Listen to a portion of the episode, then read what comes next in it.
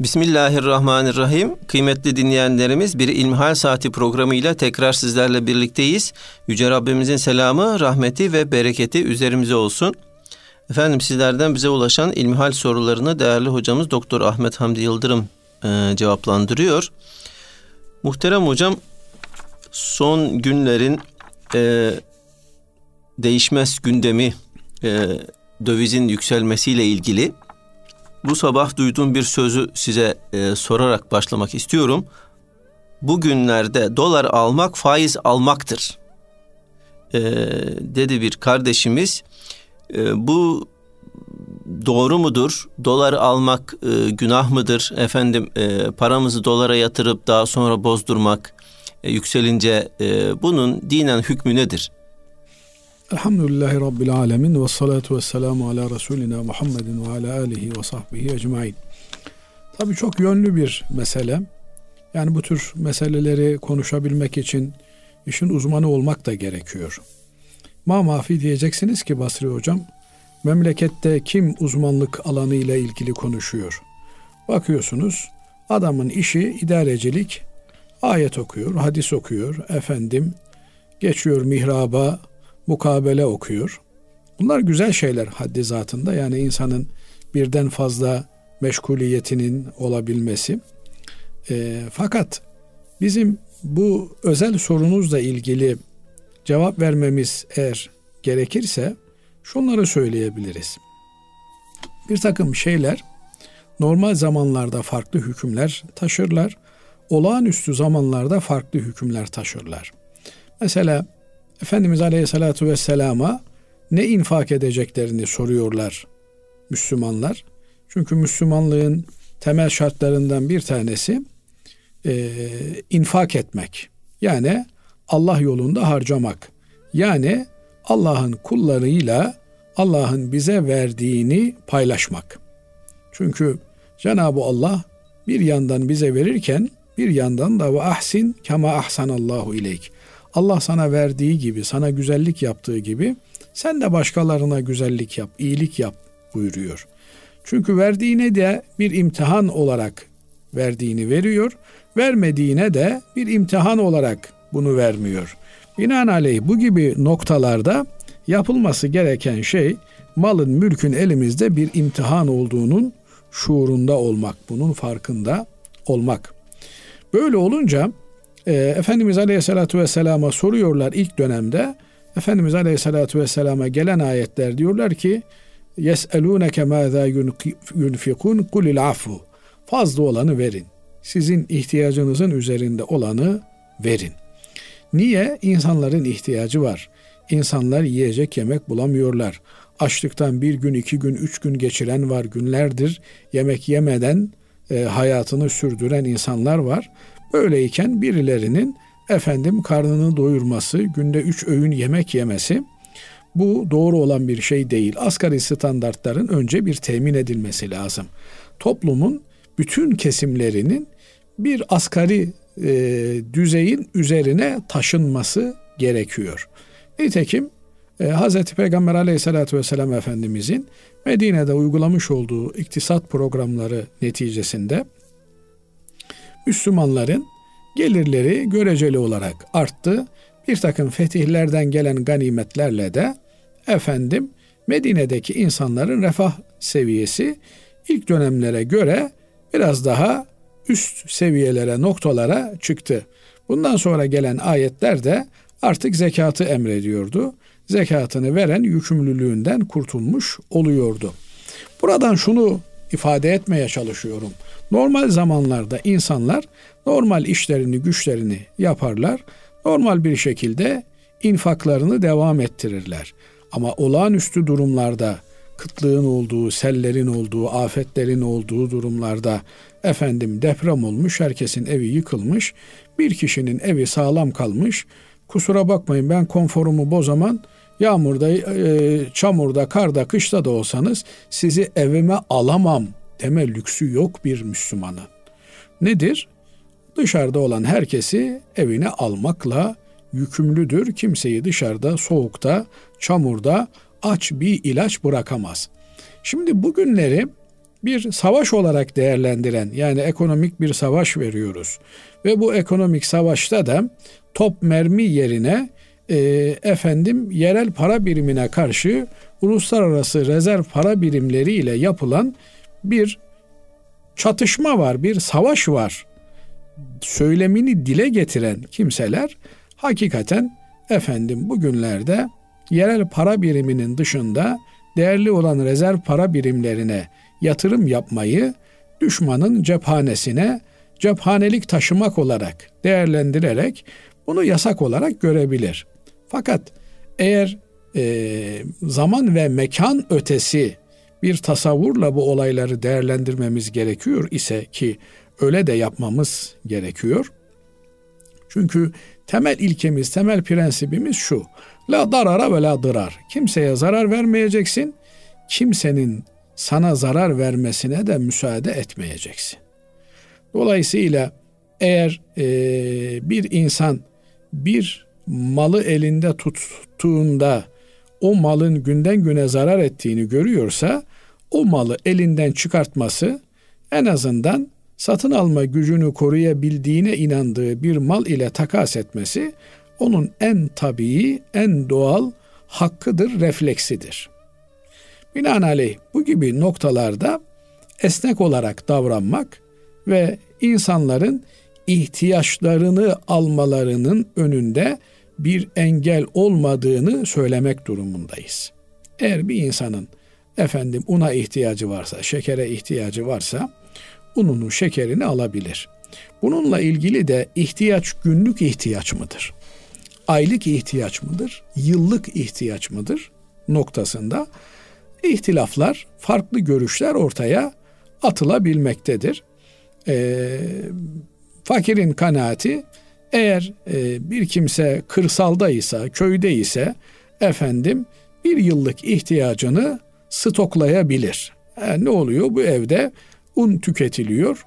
Evdeki unu işte ekmek yapıyoruz, tandırda e, çörek yapıyoruz, şunu yapıyoruz, bunu yapıyoruz. E, una ihtiyacımız var. Ununu bir yıllık stoklayabilir. Efendim şu e, ana tüketim maddelerine ihtiyacımız var.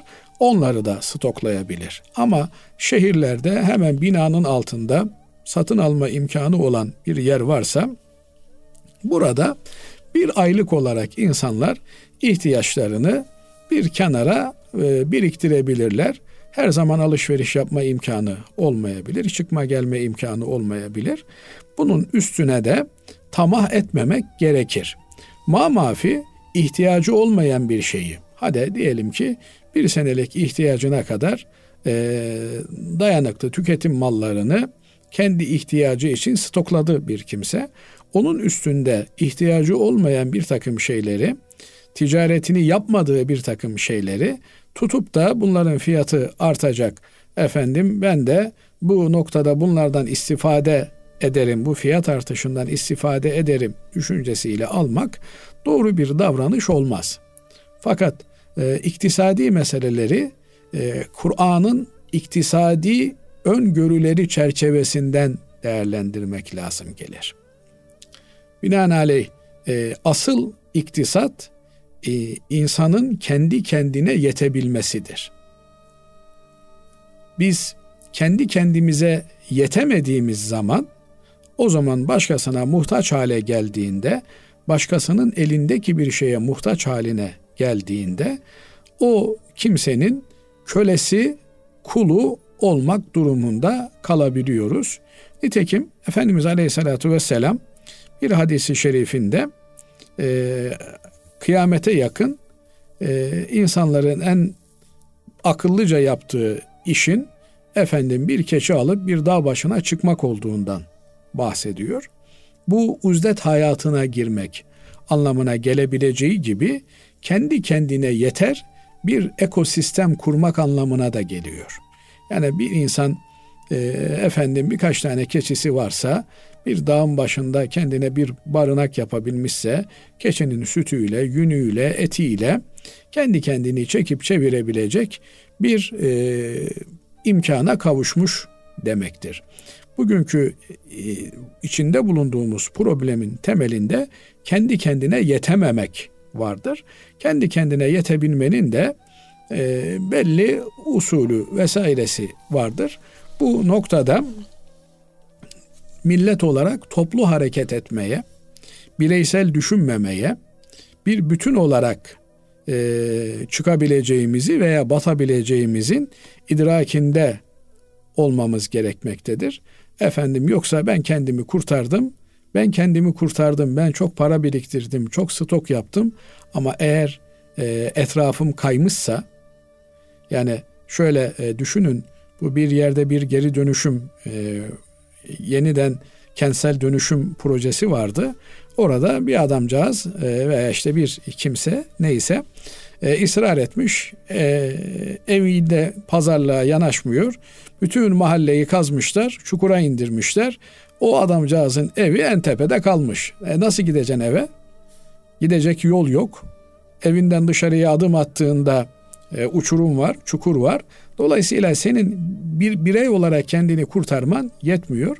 Bu tür toplumsal felaketler diyebileceğimiz ekonomik buhranlarda efendim e, olabildiğince e, kesenin ağzını açmak ve paylaşıcı olmak gerekiyor.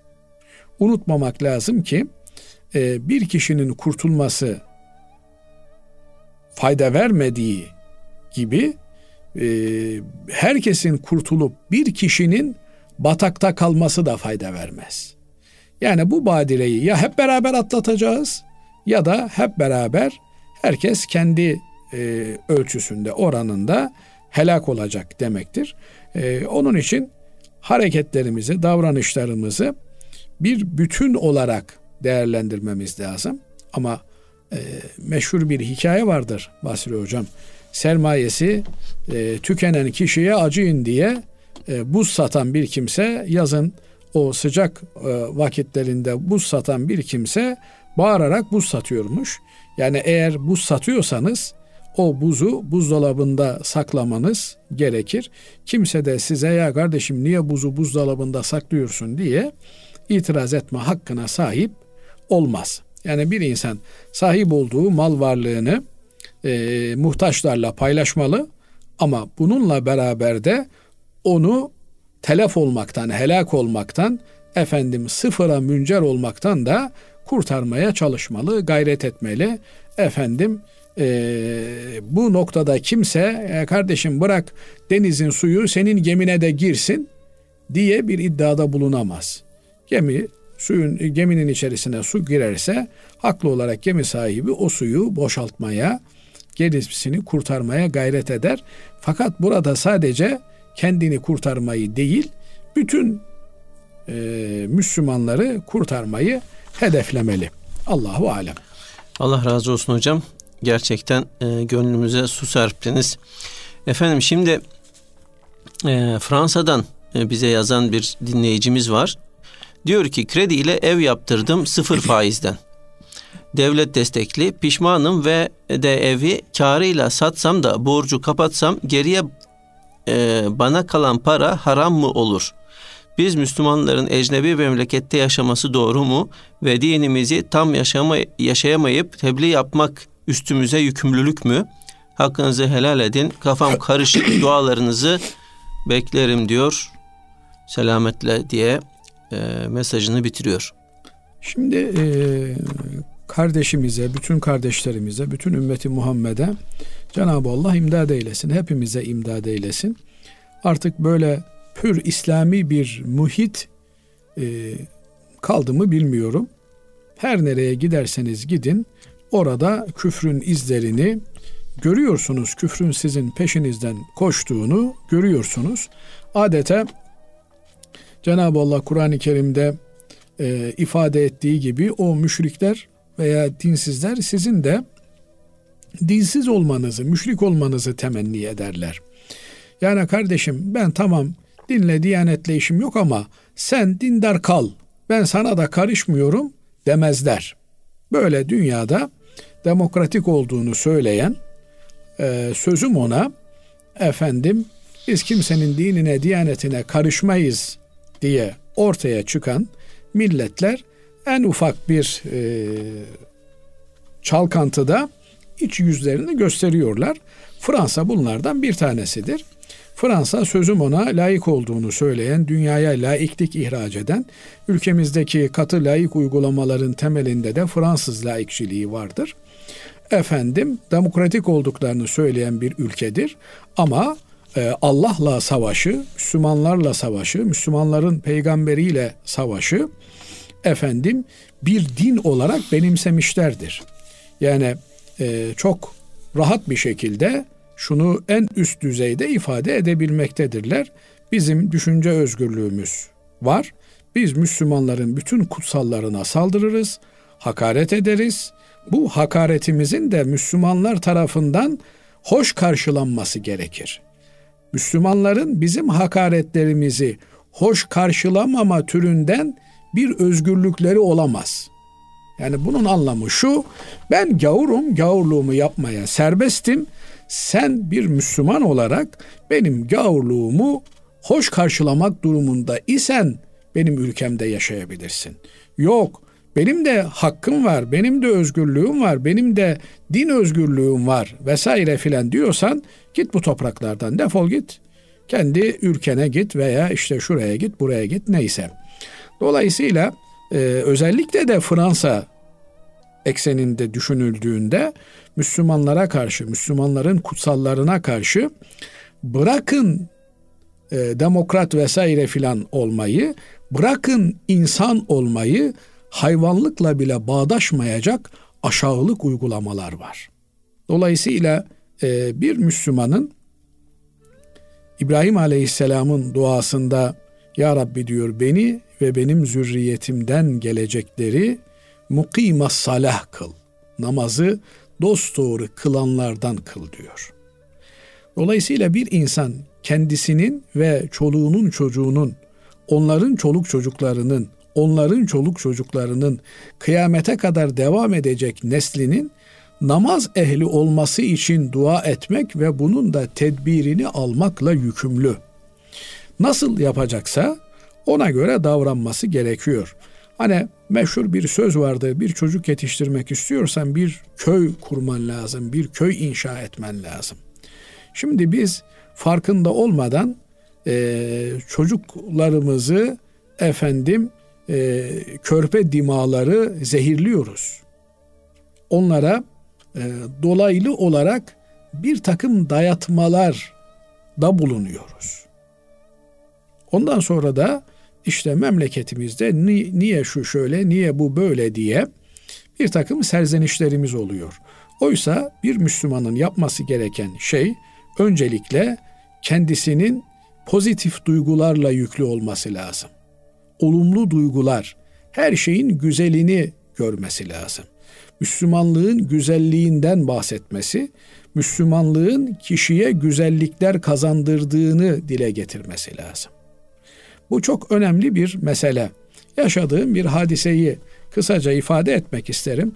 Aslında bu mesele böyle çok uzun uzadıya konuşulabilecek bir mesele. Şimdi e, 4-5 yaşlarındayken benim küçük çocuk kızım e, dedi ki baba ben dedi doktor olamam değil mi dedi. Niye babam dedim. Çünkü dedi ben büyüyünce başörtülü olacağım dedi. Bunu 5 yaşındaki çocuk dile getiriyor. Başörtülü olacağım dedi ve başörtülü bir kimsenin doktor olması mümkün değil. O zamanlar işte böyle bir katsayı mağduriyeti var vesaire filan var. Çok eski bir şeyden bahsetmiyorum. Yani bu bahsettiğim e, 2013'ler, 2014'ler o dönemlerden bahsediyorum. Veya o zaman çözülmüş de bu problemler. Fakat şöyle bir e, bu söylemin gerisiyle ilgili bir düşündüm, irkildim çünkü. Yani her şey güllük gülistanlık, başörtülü hakimlerimiz var, işte başörtülü doktorlarımız var, başörtülü bakanlarımız var. Ee, her şeyimiz yerli yerinde. Çocuğun zihnine bu nereden yerleşmiş? Kendi kendime şöyle bir sonuca ulaştım. Ya işte annesi, e, yakın akraba kendi aralarındaki sohbetlerde bahsederlerken işte e, üniversite eğitimini yarı bıraktık. Niye yarı bıraktık? Başörtüsü problemi vardı. İşte ya başörtüsünü tercih edeceksin ya okulu tercih edeceksin türünden böyle bir mağdur edebiyatı vardı. Ve bu mağdur edebiyatı çocuğun zihninde Cenab-ı Allah nasıl bir zihin yaratmışsa, nasıl bir e, şey varsa orada bir muhakemeye dönüşüyor ve kendi kendine şu ikilemi görüyor. Ya e, başörtüsüne sahip çıkacaksın ya işte özendiğin doktor olma, hakim olma, mühendis olma, pilot olma gibi e, beklentilerinden vazgeçeceksin. Şimdi çocuk kendi kendine bir e, çıkarım yapmış ve ben işte başörtüsünden, e, ailemin benimsediği e, hayat tarzından fedakarlık edemeyeceğime göre o zaman öbüründen fedakarlık etmem lazım. Bunu dile getiriyor ve diyor ki benim diyor başörtülü doktor olmam mümkün değil diyor. Bu aksi de olabilirdi. Yani o zaman diyebilirdi ki demek ki başörtüsü, dindarlık, namaz benim işte televizyonda gördüğüm, etrafta gördüğüm, bize dayatılan hayata mani. O zaman ben yani evet Allah'a inanıyorum, peygamberi çok seviyorum ama e, bana ayak bağı olacak bunlar. Ben o zaman e, kendime e, işte deist diyeyim, bilmem ne diyeyim vesaire filan diyeyim. Kendi kendimize, kendi olumsuz söylemlerimizde efendim kendi negatif düşüncelerimizle sözüm ona iyilik yaparken kendi çocuklarımızı zehirliyoruz. Şimdi buradan kardeşimizin sorusuna e, cevap verecek olursak yani bulunduğun ortamda markete gidiyorsun aman yavrum ona elleme onda işte filan pis hayvanın e, türevlerinden bulunabilir. Aman yavrum şuna elleme onda e, alkol olabilir, şarap olabilir. Aman yavrum şuna elleme o besmelesiz kesilebilmiş olur. Çocuk devamlı kendi arzularının, isteklerinin bastırıldığını hissediyor. Aman gözünü açma burada görmen yasak olan bir manzara ile karşılaşabilirsin. Şimdi ben hayret ediyorum televizyonlarda efendim sigarayı göstermiyorlar ama sokakta herkes sigarayla gezebiliyor. E kardeşim yani bu çocuk sokağa çıkmasın mı? Yani o sadece sigara bağlamında söylemiyorum bunu. E, dolayısıyla yasak olan her şey için e, ne oluyor? Yasakla beraber, haram olan şeylerle beraber büyüyen, yetişen bir çocuk. Bir müddet sonra bakıyorsunuz ki artık e, çocuk bir karar verme noktasına geliyor. Bu bazen azınlık halde yaşayan Müslümanların kendilerini korumaları içgüdüsüyle olumlu sonuçlar verebildiği gibi bazen de artık vakaya teslim olmak, efendim suyun akışına uymak yönünde de tecelli edebiliyor. Bundan dolayı herkes şöyle kendini bir e, kontrol etmeli. Ben çoluk çocuğumu bu gurbet ellerde mi daha Müslüman olarak yetiştirebilirim? Yoksa kendi ülkemde, kendi köyümde, bırakın şehirleri köye dönmekten bahsediyorum. Köylerimizi en azından yani tanıdığımız, bildiğimiz insanlar ıslah ederek yaşanabilir hale getirmenin mücadelesini vermek durumundayız. Yani maddi olarak da köylerimizi ihya etmek durumundayız. Yani eskiden nüfusun yüzde yetmişi, yüzde altmışı köylerdeydi, yüzde kırkı şehirlerdeydi. Köydeki nüfus şehirdekini bakıyordu. Yani adam e, İstanbul'a gelmiş asgari ücretle çalışıyordu ama annesi babası köydeydi. Yine e, temel gıda ihtiyaçlarının önemli bir kısmını köyden efendim çuval çuval otobüslerle evine taşıyordu, büyük şehirlere taşıyordu. Şimdi köylerde tamamen üretim sıfırlanmış durumda neredeyse ve köydeki insanlar şehirdekine bağımlı hale gelmişler. Binaenaleyh bir seferberlik ilan etmemiz gerekiyor. Bu kardeşimize, buna benzer kardeşlerimize, hatta yani çok böyle Avrupa'ya vesaireye filan da gitmeye gerek yok. İstanbul'da da yaşayan, Türkiye'de büyük şehirlerde de yaşayan, eğer bulunduğun muhit çocuğuna kötü örnek oluyorsa, yani çocuğunun ahlakının bozulduğuna, günden güne ifsad olduğuna tanıklık ediyorsan o zaman muhit değiştirmek. Daha böyle hani e, Türkçemizde güzel bir deyiş var. Ev alma komşu al diye. Komşu öncelikli e, oturma seçeneklerini hesaba katmamız ve düşünmemiz gerekiyor. Yoksa e, sahip olduğumuz en önemli şey olan imanımızın efendim e, elden çıkması gibi bir tehlikeyle karşı karşıya kalabiliriz. Sorduğu ev sorusuna gelince bu tür e, sorular efendim e, genelde özel cevaplandırılması gereken sorular. E, çünkü Cenab-ı Allah e, faizi haram kılmış, ticareti helal kılmış. E, banka denilen müessesede faizin efendim merkezindeki bir müessese bankayla hiçbir iş yapmamak lazım geldiğini düşünenlerdenim.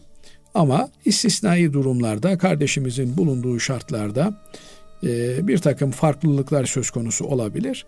Onu da e, dinine, diyanetine güvendiği bir hoca efendiyi bulunduğu yerde kenara çekip hocam 5 dakika 10 dakika vaktinizi alabilir miyim diyerek meselesini soracak ve ondan cevap alacak. Cenab-ı Allah hayırlı kararlar almayı cümlemize nasip eylesin. Allah razı olsun kıymetli hocam. Efendim şimdi kısa bir araya gidiyoruz. Aradan sonra inşallah kaldığımız yerden devam edeceğiz.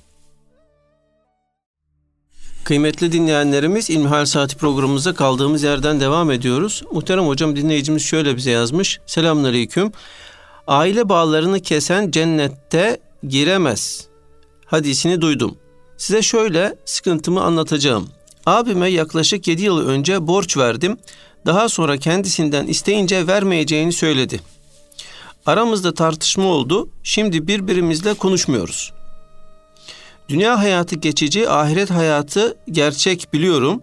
Helal etmek de istiyorum ama bu hayatta o paraya ihtiyacım var. Paramı da istiyorum. Şimdi e, konuşmadım diye, onunla konuşmuyorum diye cennet bana yok mu diyor. Allah'a emanet olun diyor. Evet. Yani akrabalık bağlarını kopartan bir kimsenin öncelikle dünya hayatı cennet olmaktan çıkar.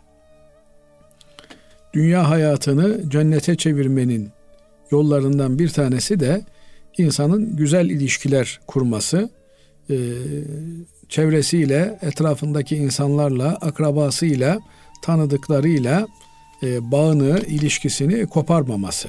Öncelikli mesele bu. Ondan sonra tabi dünya hayatımız ahiret hayatımızın küçük bir numunesidir. Dünya hayatımızı cennete çevirirsek ahiret hayatımız da cennet haline gelir. Şöyle bir düşünce var Basri Hocam. Ben bunun yanlış olduğunu söylüyorum. E, dünyada cehennemi yaşayalım da ahirette cenneti yaşarız. Yok. Allah bize dünyamızı da cennet kılsın, ahiretimizi de cennet kılsın. Nitekim dünyası cennet olanın ahireti de cennettir. Dünyası cehennem olanın ahireti de cehennemdir. Ama işte onu e, hem Peygamber Efendimizin hadis-i şerifi var ya yani e, dünya e, müminin zindanı e, diye başlayan hadis-i şerif efendim bir de e, yani dünyası iyi olan işte genellikle işte zenginler, şatafat içinde yaşayanlar diye hani kabul ediliyor. O yüzden yani insanlar biraz bu konuda sizin söylediğinizi e, iyi ki varsınız. Yanlış hocam. anlayabilirler. Allah razı olsun. İyi ki varsınız. Bu yanlış anlaşılmanın önüne geçelim. Şunu kastediyorum. Yani dünyanın cennet olması nedir? Ya dünyada bir kul Allah'a kul olmanın zevkini yaşamışsa, onun sahibinin, onun Rabbinin, kainatın yaratıcısı olan Allah olduğuna iman ederse, Allah sana sahip çıktıktan sonra, sahip olduktan sonra senin sırtın yere gelmez düşüncesini belleğine yerleştirirse, bu kimsenin dünyası cennettir. Bunun Allah'a sahip olduktan sonra, yani düşünün ee, paraya insan niye ihtiyaç duyar? İstediklerini elde etmek için. Ama paranın satın alamayacağı şeyler vardır. Bir insan düşünün ki paranın satın alamayacağı şeyleri satın almış. Parayla işi yok. Ondan daha zengin kimse olamaz. Ama bugün işte zenginliği veya dünyadaki cenneti efendim boğazda bir yalıda oturmak, işte büyük para sahibi olmak olarak değerlendirirseniz e, o kimselerin yaşadıkları hayatı cennet olarak tasvir ederseniz yani öyle düşünürsek onlarla oturup kalktığımızda adamlara acıyasımız gelir. Yani ben elhamdülillah işler iyi. Fakir fukaraya nasıl yardım edeceğimi düşünüyorum. Allah bana yedi sülaleme yeter zenginlik verdi. Ben artık Allah'ın emri olan infakla meşgul olmalıyım diyerek gelene sarılan, geleni bir nimet olarak, ahiret sermayesi olarak bilen, yani çok fazla zengin olduğunu düşünmüyorum. Ya bu kardeşim ne bu ya, beni mi buluyorlar ya? diye ser, serzenişte bulunduklarına zaman zaman şahit oluyorum ya kardeşim yani hayır hasanat da biz mi yapacağız hayır hasanatı? Hasılı kelam cennet tasviri hocam insanın Allah'la hukukunu düzeltmesine bağlı bir mesele. Şimdi e, dün bir kitap okuyordum. Malik Bedri diye bu sene ahirete irtihal etmiş olan önemli bir Müslüman Allah rahmet eylesin. E, psikiyatrist Evet Sudanlı Sudanlı galiba. bir evet. e, zat e, İslami psikiyatrın da babası kabul ediliyor son dönemde. Bu e, hoca efendinin bir kitabını okuyordum. E, orada diyor ki e, batıda yapılan bir takım araştırmalarda psikolojik rahatsızlığı olan insanların efendim yardıma muhtaç kimselerle ilgilenmesinin onların rahatsızlıklarını tedavide çok önemli bir rol oynadığı tespit edilmiş. Adamın psikolojik problemleri var, takıntısı var, efendim kaygıları var, endişeleri var, korkuları var, şunları var, bunları var. Yani patolojik bir vaka. Bu insanlara efendim Kızılay'da yardım edin. Efendim şuradaki insani yardım derneklerinde fakir fukara ile ilgilenin. Çocukları sevindirin, yetimhanelere gidin. Filan türünden yapılan e, tavsiyeler ve uygulamaların onların düzelmelerine ciddi oranda katkı yaptığı. Buradan hareketle diyor ki Malik Bedri hocamız rahmetullahi aleyh. Şimdi diyor sadaka belayı def eder. Hadisinin ne anlama geldiğini bu yönüyle de idrak ettim diyor. Yani sen bir iyilik yapıyorsun. O iyiliğin iyiliği yaptığın kişiden önce senin hanene yazılması. Yani işte 5 lira veriyorsun diyelim. Ya bugünün parasıyla işte bir fakire 500 lira verdiğinde onun yüzünü güldürürsün. Belki de 500 lira senin için bir hiç. Ama onun yüzünü güldürmen ve onun Allah razı olsun demesinin sana yapmış olduğu maddi ve manevi katkı o adamın 500 liradan almış olduğu katkının çok çok çok daha üstünde. İşte bunu kastediyorum. Yani bir insan dünya hayatını cennete çevirmiş, dünya hayatında mutlu olabiliyorsa ahiret hayatını da cennete çevirir.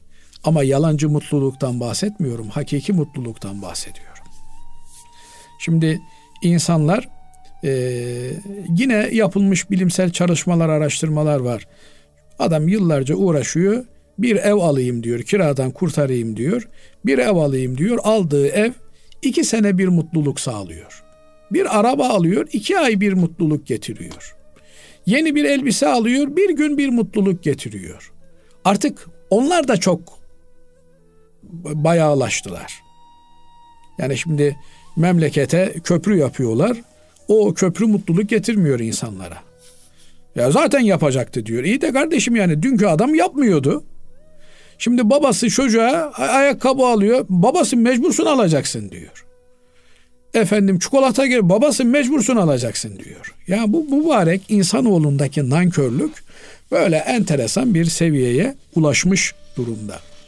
Dolayısıyla insan e, dünya hayatını Allah'a kullukla onun için yani elde edilen hiçbir şeyin mutluluğu kalmıyor. Elde edene kadar mutluluk veriyor. elde ettikten sonra hani kedi ulaşamadığı ciğere murdarmış der. İnsanoğlu ulaşabildiği ciğere murdar diyor. Bir şeye ulaşamıyordu onun için değerliydi. Ulaştıktan sonra bakıyor ki aa değersizmiş. Boşuna ben bunun için çaba sarf etmişim, kavga etmişim. Dolayısıyla e, Allah rızası için akrabayı gözetmek. Niye akraba? Ya çünkü insan en iyi akrabasını tanır. Şimdi mesela e, bu hayır işlerindeki en büyük problemlerden bir tanesi vakıf çevresinde görüyoruz. Yani insanlar iyilik yapmak istiyorlar ama yaptıkları iyiliğin hakikaten yerini bulmasını istiyorlar. Yani aç olan var, açıkta olan var, efendim evi barkı olmayan var. Bir de binde bir de olsa, on birde bin de bir de olsa bu işi sermaye haline getirmiş iki tane evi olan bir tane efendim kral gibi dairesi ikinci de gece kondu derme çatma bir yer orada bulunup da istismarda bulunan kimseler var. Ne hikmetinse hep o istismarcılar ön plana çıkıyor. Şimdi geliyor arkadaşlar diyor ki ya ben yardım edeceğim bana şöyle 100 tane 200 tane ihtiyaç sahibi aile gösterin ben onlara yardım edeyim beni çok aldatıyorlar diyor. Dolayısıyla insan kendi çevresini, kendi akrabasını en iyi bilendir. Yani birine ihtiyacı var mı yok mu bilir. Uzaktaki bilemez ki onun kadar. Bu yönüyle insanın kendi çevresine, kendi akrabasına, kendi kolu komşusuna bigan kalması, duyarsız kalması, duygusuz kalması çok büyük bir vebaldir. Şimdi akrabalık bağlarını koruyup gözetmek ne demek? Öncelikle ihtiyacı olanın ihtiyacını karşılamak demek. Bu maddi veya manevi olabilir. Efendim sonra bayramdır, seyrandır vesairedir. Efendim ziyaretlerinde bulunmak, hal hatırlarını sormak demektir. Senin abinle bir problemin olabilir. Efendim sana borcu vardı, borcunu vermedi. O hesabı ahirette görülmek üzere kenara kaldırırsın. Ama dünyalık olarak o seninle konuşmasa da abi nasılsın, iyi misin? Yiyenlerin varsa yiyenlerinle konuşmaya, onlarla ilişkilerini sürdürmeye devam etmen gerekiyor. Ama bu demek değildir ki işte onu sana 10 bin lira borcu vardı bunu vermedi. Sen ona nasılsın iyi misin dediğinde bu 10 bin lira borç silindi. Hayır vermiyorsan. Vermiyorsanın da sebebi vardır muhakkak akraba arasında. O da kendince işte ben de sana gençken bir ceket almıştım. Ne bileyim araba almıştım türünden şeytanın vesveseleriyle bir takım çıkarsamalarda bulunmaktadır. Tamam abi sen haklı olduğunu düşünüyorsun. Ben de haklı olduğumu düşünüyorum. E sen de ahirete inanıyorsun. Ben de ahirete iman ediyorum. Bu dosyayı istersen ahirete bırakalım orada görüşelim. Ama bir dosyadan sebep aramızdaki bütün dosyaları rafa kaldırmanın alemi yok. Dolayısıyla aramızdaki hukuku devam ettirelim. Niye? Yahu belki senin abine ihtiyacın yok ama senin çocuklarının amcaya ihtiyacı var. Yani sen sadece kendine yapmıyorsun ki karşı taraftaki yeğenlerinin de amcalarına ihtiyacı var. Bu haksızlığı ne kendimize ne de çoluğumuza çocuğumuza yapmamamız gerekiyor. Binaenaleyh bu noktada daha engin yürekli olabilmeyi becermemiz lazım. Bunun da yolu kendi kendimize telkinden geçiyor. E, sapla samanı birbirimize e, birbirine karıştırmamamız gerekiyor. Evet. Bir yanlış varsa o burada kalmalı. Evet. Evet hocam Allah razı olsun. Efendim e, sorularımız birikti. E, biraz hızlanabiliriz. Şimdi e, ben dört çocuk annesi ev hanımıyım. Önce kendim Kur'an okumamı e, ilerlettim. Okuyuşumu kontrol ettirdim ve boş kaldıkça öğrenci buldukça da ben evimde gönüllü Kur'an öğrettim diyor. Daha sonra e, açık üniversiteden ilahiyat bitirdim. Gelecek olan ücretin çoğunluğunu sadaka olarak vermek e, suretiyle ücretle Kur'an öğretmem caiz olur mu diye soruyor dinleyicimiz. Şimdi ücretle Kur'an öğretmek veya din öğretmek caiz olmaz. Çünkü din öğretmemiz, Kur'an öğretmemiz bizim üzerimize Allah'ın yüklediği bir farzdır. Fakat e, bir vakit ayırdığımız için bir vakti bir kişiyle beraber geçirmek durumunda kaldığımızdan dolayı böyle bir gerekçeye binaen efendim ben bir saat seninle beraber oturacağım. Bir saatliğinin karşılığı ben senden şu kadar para alırım diyebilir. Ama ben sana Yasin suresini öğreteceğim. Yasin suresini öğrendiğinde de işte bir milyon dolar alırım senden türünden e, bir e, fiyatlandırma caiz olmaz. Bunu birbirinden ayırmak lazım. Gerçi kardeşimizin sorduğu da e, Kur'an öğretimine karşı değil, Kur'an'ın öğretilmesi için bir vakit ayırıyorum bir kimseye. Evime alıyorum. İcap ederse çay demliyorum efendim, e, kurabiye, pasta ikram ediyorum. E bunlar bir maliyet eğer hali vakti yerinde değilse kocasının. Bu da kocasına bir yük haline gelebilir zaman içerisinde. Gönül ister ki bu tür e, kardeşlerimizi e, yine Müslümanlar desteklesinler. Biz efendim işte senin günlük 5 saatini satın alıyoruz. Bu 5 saatin mukabilinde de biz sana şu kadar para veriyoruz. Sen de bu 5 saatinde efendim mahalledeki çoluğa çocuğa Kur'an-ı Kerim öğretmekle meşgul ol desinler. Ama e, her zaman böyle bir organizasyon müyesser olmayabiliyor. Bir de insanların bir bedel ödemeleri de e, o şeyin kıymetini bilmelerine yardımcı oluyor.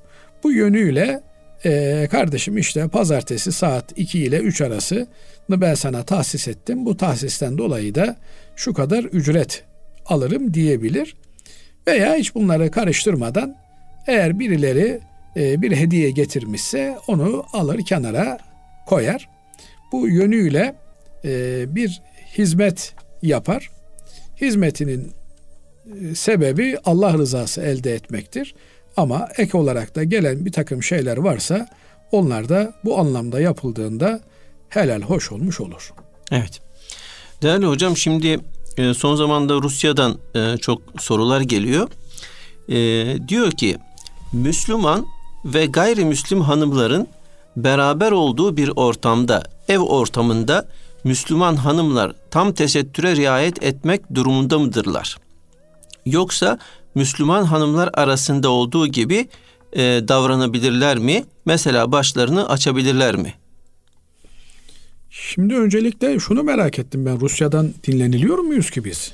E, yani e hocam bizim programı e, nereden buluyorlar? Özellikle internetten e, video video çekimlerimizden e, dinleniyor bunlar. Öyle seyrediliyor. Mi? Evet. O zaman bu Rus kardeşlerimiz Türkçe biliyorlar. Veya biz farkında ee, değiliz. Rusça Şöyle Rusya Federasyonu içerisinde e, Türkçe e, konuşan e, bölgeler var. Hmm. Kazakistan e, şey efendim e, bu Başkurdistan, Tatar Tataristan, e, Kazan bölgesi özellikle oradan geliyorlar. Elhamdülillah. Cenab-ı Allah dualarını alabilmeyi nasip eylesin. Şimdi öncelikle şunu ifade edeyim ki bizim kitaplarımızda işte gayrimüslim kadınların yabancı bir erkek gibi değerlendirilmesi gerektiğine dair bir söylem var. Bu e, söylemin gerekçesi olarak da şöyle bir izahat söz konusu. Efendim e, bu tür kadınların dini hassasiyeti olmadığından dolayı e, kadınların erkeklere mahrem olan bölgeleriyle ilgili bir takım tasvirleri, betimlemeleri kocalarına yapmaları böylelikle de dolaylı da olsa Müslüman kadının iffetine e, veya hatta işte bu gayrimüslim erkek de e, bir yerde bu kadıncağızın kocasına işte senin karının kulağının arkasında kocaman bir ben var senin ondan haberin yok türünden bir laf söyleyip de bunun aile içi saadete de mal olabileceği türünden bir takım gerekçeleri ifade ederler. Ama e, burada e, net olan bakış açısı yani bu e, geçen haftalarda yine yer yer konuşmuştuk. harama çıkan yolları kapatmak denilen seddi zeriya diye bir kaidemiz var. Yani eğer bir yerde mahzurlu bir ihtimal varsa onu e, hani kapat kapını kimseyi hırsız çıkartma türünden bir söylem gibi e, ön tedbirini almak lazım gelir derler. Mamafi kadınlar kadındır, erkekler erkektir. Binaenaleyh mahremlik ve namahremlik gibi meselelerde kadınlar kendi aralarında, erkekler kendi aralarında farklı bir statüye tabidirler. Bir Müslüman kadın özellikle de böyle işte e, gayrimüslimlerin yoğun olarak yaşadığı bölgede gayrimüslimlere İslamiyet'in güzelliğini efendim İslamiyet'in dünyada da cenneti, ahirette de cenneti vaat ettiğini gösterebilecek bir davranış içerisinde olmaları, bunun içinde en güzel ortamların ev ortamları olduğunu söyleyebiliriz. Böyle olunca da evde onları bir yabancı gibi değerlendirmeden kendilerinden biri gibi değerlendirebilirler. Ama bu demek değildir ki efendim e, hamamdaki rahatlıkla evde de davransınlar. Hayır, başı açık olabilir. Efendim rahat bir kıyafet giyebilir. Ama yine Müslüman ihtişamına ve e, buralardan gelebilecek tehlikelere karşı dikkatli ve duyarlı olmak üzere o gayrimüslim kadınların gönlünü İslam'a kazandırmak maksadıyla yani burada da oturalım işte lak lak yapalım değil bir şekilde her konuşmasını, her sözünü Müslümanlıkla ilişkilendirerek çünkü Müslümanın gayesi yeryüzünde cenneti yaşamaktır. Yeryüzünde cenneti yaşayabilmenin yolu da herkesin cennetlik olmasından geçer. Şimdi bazı söylemler var çok böyle zararlı söylemler. Ben kimseyi sevmeye mecbur değilim. Ben onu sevmek zorunda değilim. Hayır biz herkesi sevmek zorundayız. Herkesi sevip herkesi cennete çağırmak zorundayız. Niye? Çünkü Cenab-ı Allah cennete yalnız değil, bütün ulaşabildiklerimizle beraber gelmemizi bizden istiyor. Yani Müslümanlık Yahudilik gibi değil. Bir ırk dini, bir kabile dini değil. Alemlere rahmet olarak gönderilmiş peygamberin rahmet olan ümmeti herkesi sevmek, herkese rahmet etmek ve herkesin cennetlik olması için en azından içinden iyi niyetler beslemeli.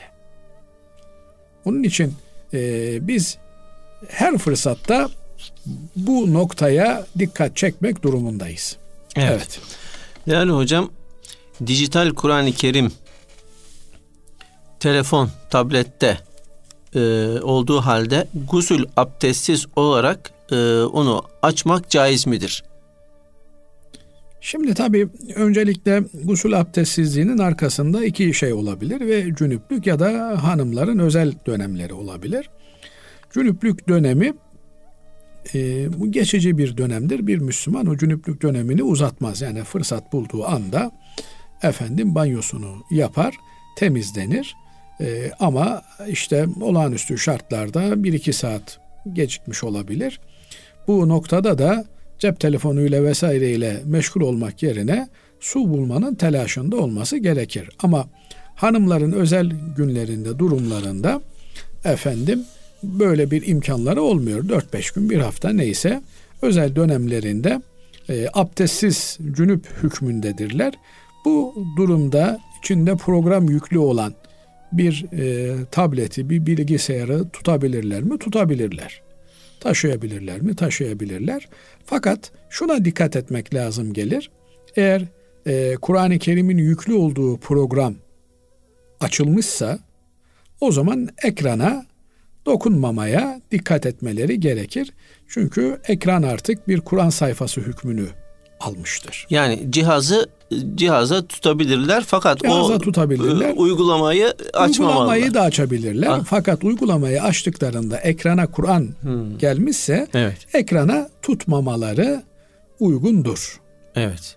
Ee, ama e, yani özel durumlarından dolayı e, ya bu dönemde işte Kur'an yüklü olan bilgisayarlara dokunma e, cep telefonlarına dokunma diye bir şey söz konusu değildir. Evet. Şöyle düşünmek mümkün. Bir hafız efendinin nasıl zihninde Kur'an-ı Kerim var ona tutabiliyorlar. E, bu telefonlara da aletlere cihazlara da tutabilirler. Evet. Değerli hocam son sorumuz da şu olsun. Ee, adet halinde iken bir kadın diş dolgusu e, yaptırmış. Bu olmuş. Şimdi bu ne yapmalıdır? Ee, bu durum gusle engel midir diye soruluyor. Şimdi e, diş dolgusunu yaptırmışsa bir ihtiyaç var ki yaptırmıştı. Yani durduk yere kimse gidip de diş dolgusunu yaptırmaz. Eskiden bir dönem belki dünyanın bazı yerlerinde hala devam ediyordur. İnsanlar dişlerini altın dişlerle değiştiriyorlar. Böylelikle dişlerinde işte bir parıltı, bir ışıltı ortaya koymak suretiyle bir yandan zenginliklerini de göstermek istiyorlardı. Böyle bir adet, böyle bir gelenek vardı. Osmanlı'nın e, son dönemlerine doğru e, bunu e, görüyoruz. Bunlar zaruret olmaksızın diş dolgusu yaptıklarından dolayı onlara farklı fetvalar verilmiş. Ama bir ihtiyaç varsa efendim dişi ağrıyordu kadıncağızın. Doktora gitti. Doktor e, dişine dolgu yaptı. E, bu noktada herhangi bir sakınca söz konusu değildir. İhtiyaca binaen yapılmıştır. İhtiyaca binaen yapıldığı için de bunda bir problem olmaz. Yani şöyle bir şey söz konusu değil.